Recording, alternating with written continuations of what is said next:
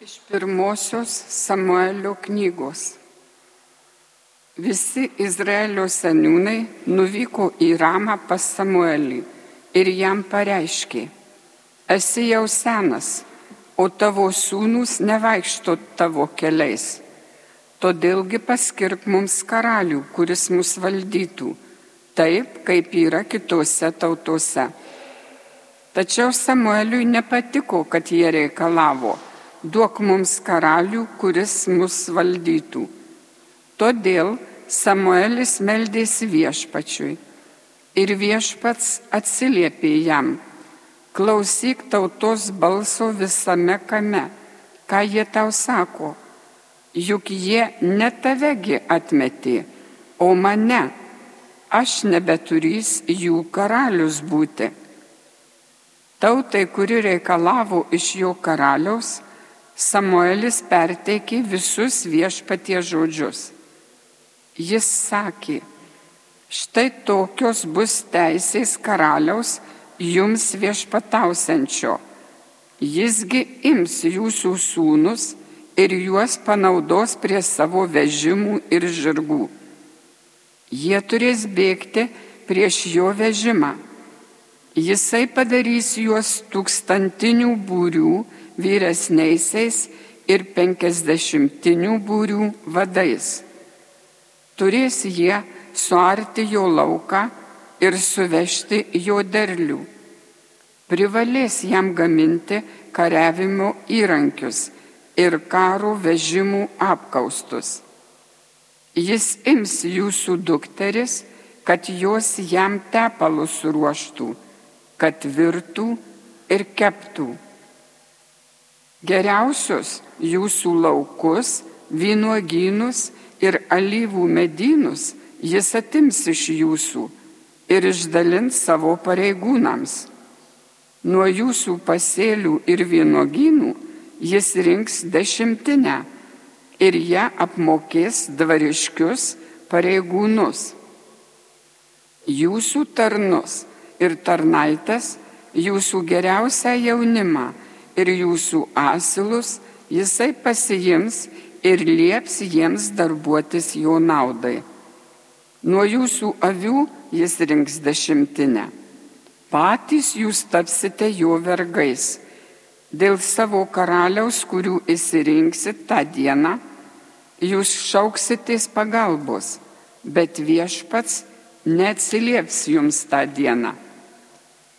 Bet tauta nenorėjo klausyti Samuelio, tik sakė, ne, mums privalo viešpatauti karalius, mes norime būti kaip visos tautos. Mūsų karalius turi mus teisti, mums vadovauti ir vesti mūsų karus. Samuelis išklausė visą, ką sakė tauta ir perdavė viešpačiui. O viešpats Samueliui pasakė, klausyk jų balso, paskirk jiems karalių. Tai Dievo žodis.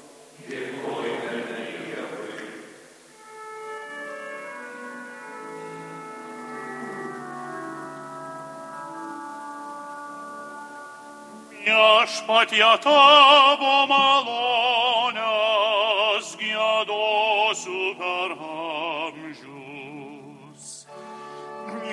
Viešpatie tavo malonės gėdosiu per amžius. Laiminga tauta, kuri tave garbinti moka džiaugsmingai tavo veido šviesos apšviesta įgyvena. Nuolat linksmina ją tavo vardas, didžiuojas jį tavo teisybę. Viešpatie tavo malonės, gėdosiu per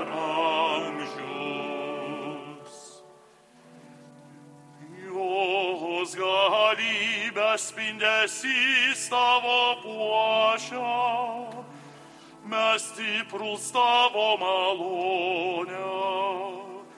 Juk viešpaties ranko yra mūsų skydas, visagalio žinio ir Izraelio karalius.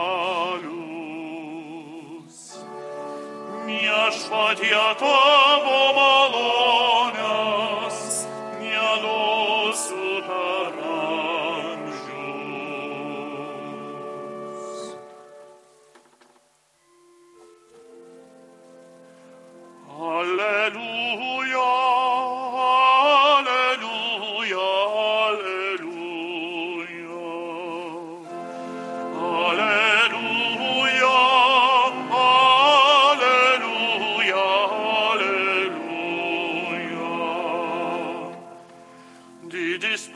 наша сацерада тарпумусу, Diava sa planche sabatauta,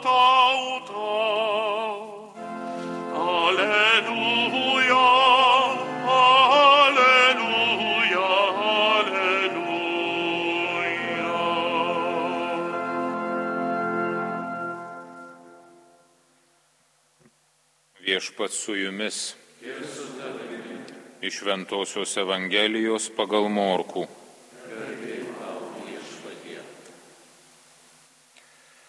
Kai Jėzus vėl atėjo į Kafarnaumą, žmonės išgirdo jį esant namuose ir taip gausiai susirinko, jog ne prie durų nebeliko vietos, o jis skelbė jiems žodį. Tada keturi vyrai atnešė paralyžiuotą žmogų. Negalėdami dėl minios prinešti jo prie Jėzaus, jie praplėšė stogą namo, kur jis buvo, ir padarę skylę nuleido žemyn neštuvus, ant kurių gulėjo paralyžiuotasis.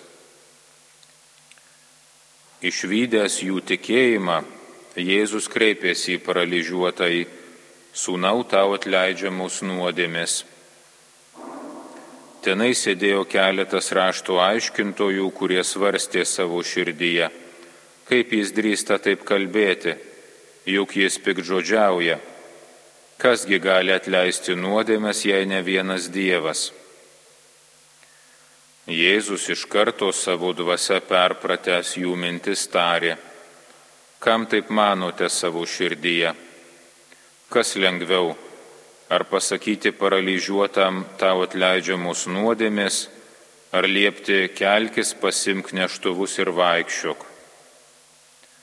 Bet kad žinotumėte žmogaus sūnų turint galę atleisti žemėje nuodėmės, čia įstarė paralyžiuotajam, sakau tau, kelkis, imk savo neštuvus ir eik namo. Šis atsikėlęs tuo jau pasėmė neštuvus ir visų akise nuėjo savo. Visi be galo stebėjosi ir šlovino Dievą sakydami, tokių dalykų mes niekad nesame matę. Tai viešpatie žodis.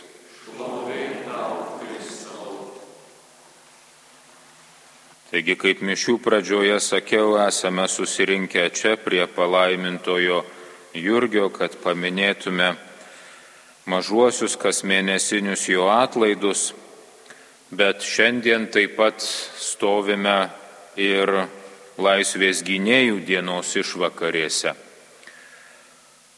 Nors laisvės gynėjų dienos data yra sausio 13, tačiau visi tie įvykiai įvyko naktį iš 12 į 13. Taigi ateinanti naktis, vakaras naktis bus būtent tų įvykių naktis, todėl ir į juos noriu atkreipti dėmesį. Ir manau, kad šiandienė Evangelija apie paralyžiuotojo išgydymą, nors pasitaiko atsitiktinai, tiesiog skaitome dienos skaitinius, bet ji turi mums ką pasakyti ir apie palaimintą į Jurgį, ir apie tai, ką sausio 13-ąją minime. Kaip girdėjome, Evangelija pasakoja, kad keturi vyrai atnešė savo paralyžiuotą draugą pas Jėzų. Jie padarė tikrai nemažai. Bandė prasibrauti pro minę, paskui To negalėdami padaryti užsikabarojo ant stogo su visais neštuvais ir su ligoniu ant jų, praplėšė tą stogą ir nuleido savo bičiulį prie Jėzaus. Jie tikrai stengiasi iš viso širdies ir iš visų jėgų. Tačiau aišku, kad jie neturėjo galios nei savo bičiulio išgydyti, nei tuo labiau nuodėmių jam atleisti. Jį išgydė Jėzus. Kodėl? Evangelijos tekste pažymėta, nes pamatė jų tikėjimą. Šis tikėjimas Jėzų sužavėjo, taip sakant, papirko ir jis suteikė jiems tai, ko jie patys net labiausiai stengdamiesi nebūtų galėję padaryti. Kai žvelgiam į palaimintą į Jurgį, matom, kad jis irgi, panašiai kaip šie keturi vyrai, daug dirbo, stengiasi, triūsė. Užrašuose nuolat rašo, kaip jis trokšta dirbti dėl Dievo garbės, dėl bažnyčios, trokšta sudegti kaip žvakė ant altoriaus nuo darbo kaitros, trokšta būti sunaudotas kaip mazgoti. Visa tai dėl bažnyčios ir dėl Dievo.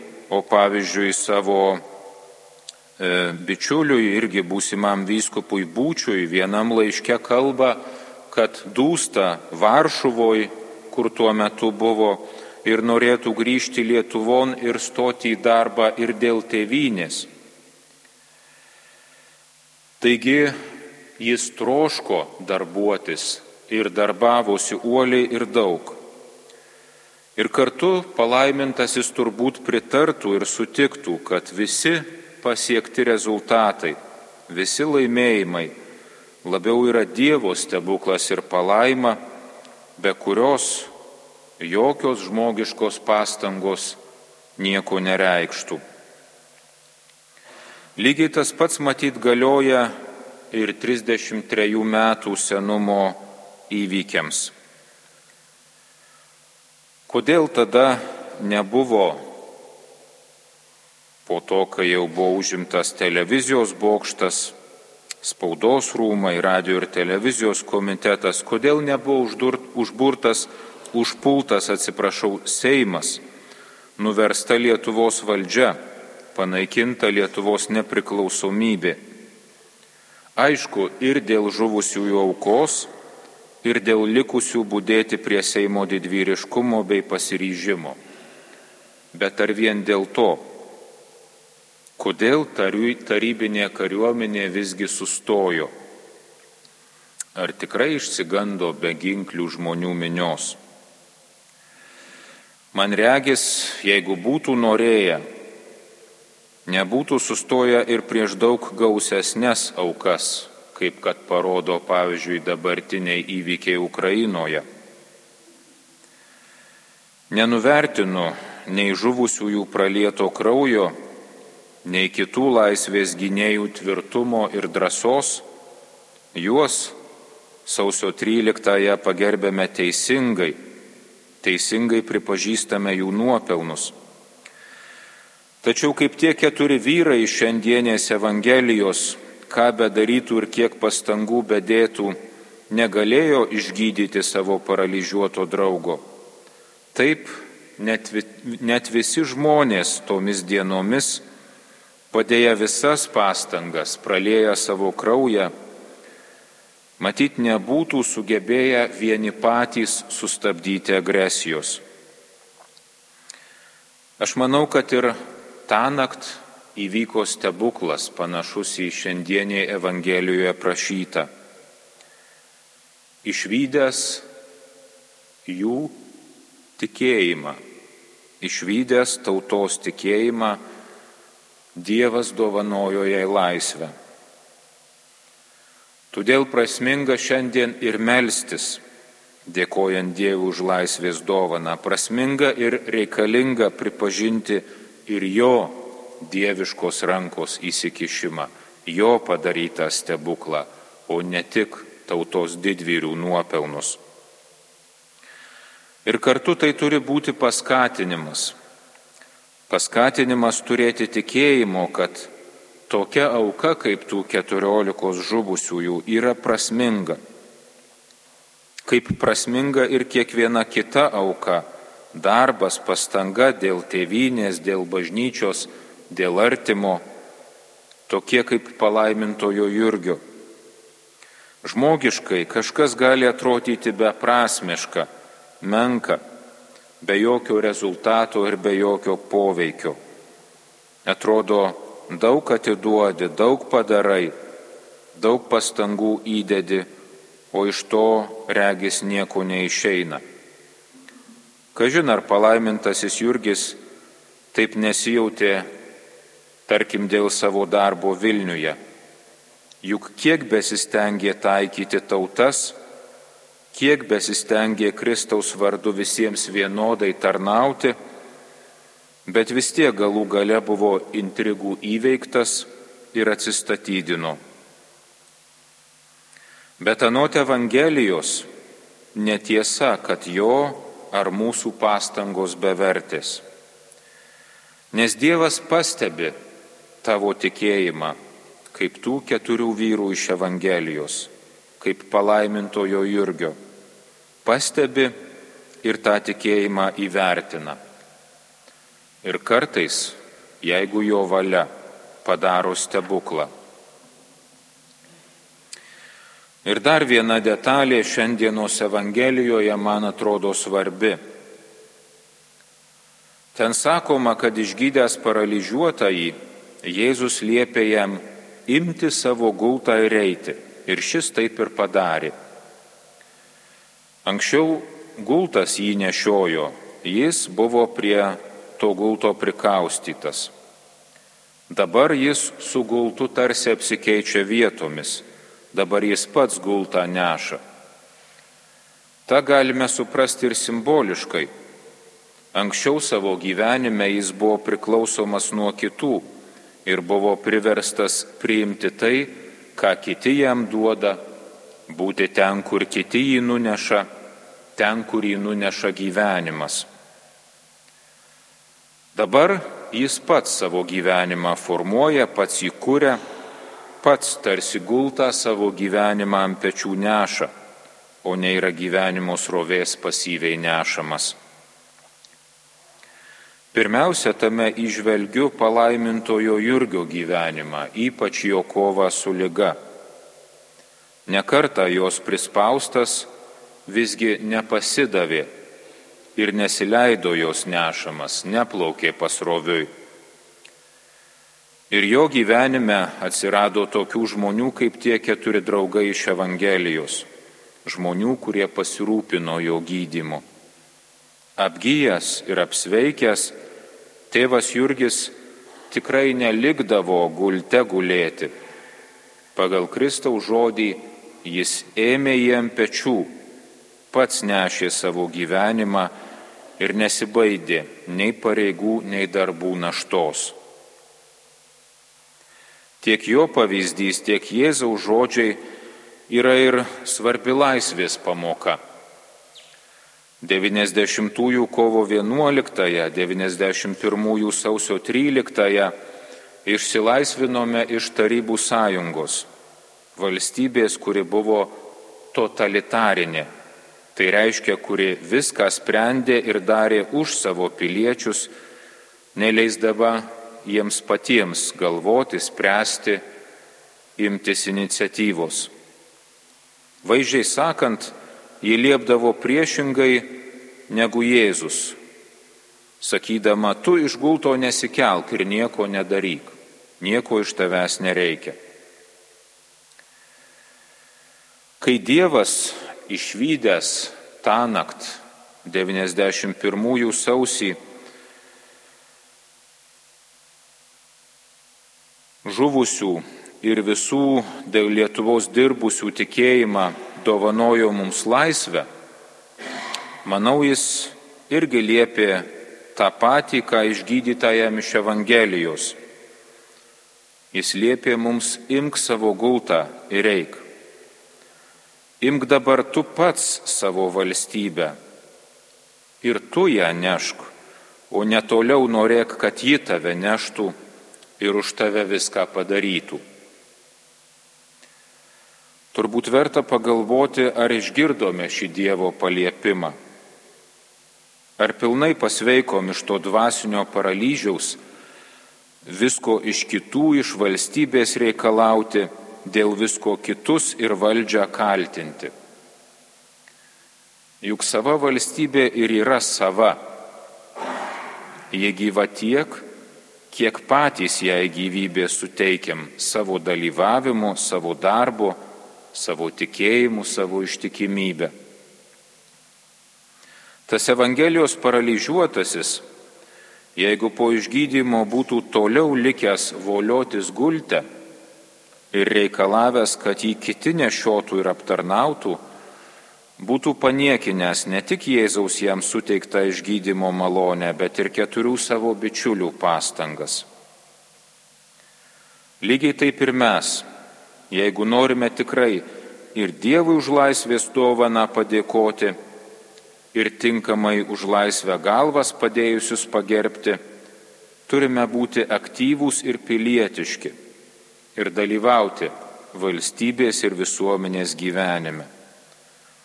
Turim dalyvauti ir bažnyčios gyvenime, nebe, nebekalbėti apie ją tik trečiuoju asmeniu, kad bažnyčia taip ar anaip daro, tą ar aną sako. Sinodas, vis dar vykstantis bažnyčioje, yra skirtas priminti būtent tam, kad bažnyčia esam mes visi Ir tai jokia naujiena, juk jau palaimintasis Jurgis tą sakė.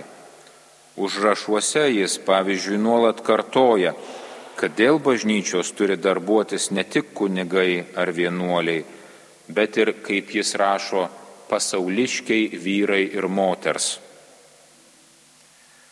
Tad išgirskime ir paties Kristaus ir palaimintojo Jurgio kvietimą. Imkime savo gultą tai yra savo gyvenimą, savo bažnyčią, savo Lietuvą. Kiekvienas kaip galim, imkime ir neškime. Gal tai te bus maži darbai ar malda, kurią panešėsime mūsų sergantį bičiulį pas Kristų. Bet tikiu, kad tai bus vertinga ir kad Dievas, matydamas mūsų tikėjimą ir pastangas, toliau mus laimins ir ves į tikrąją laisvę ir į amžinąją tėvynę.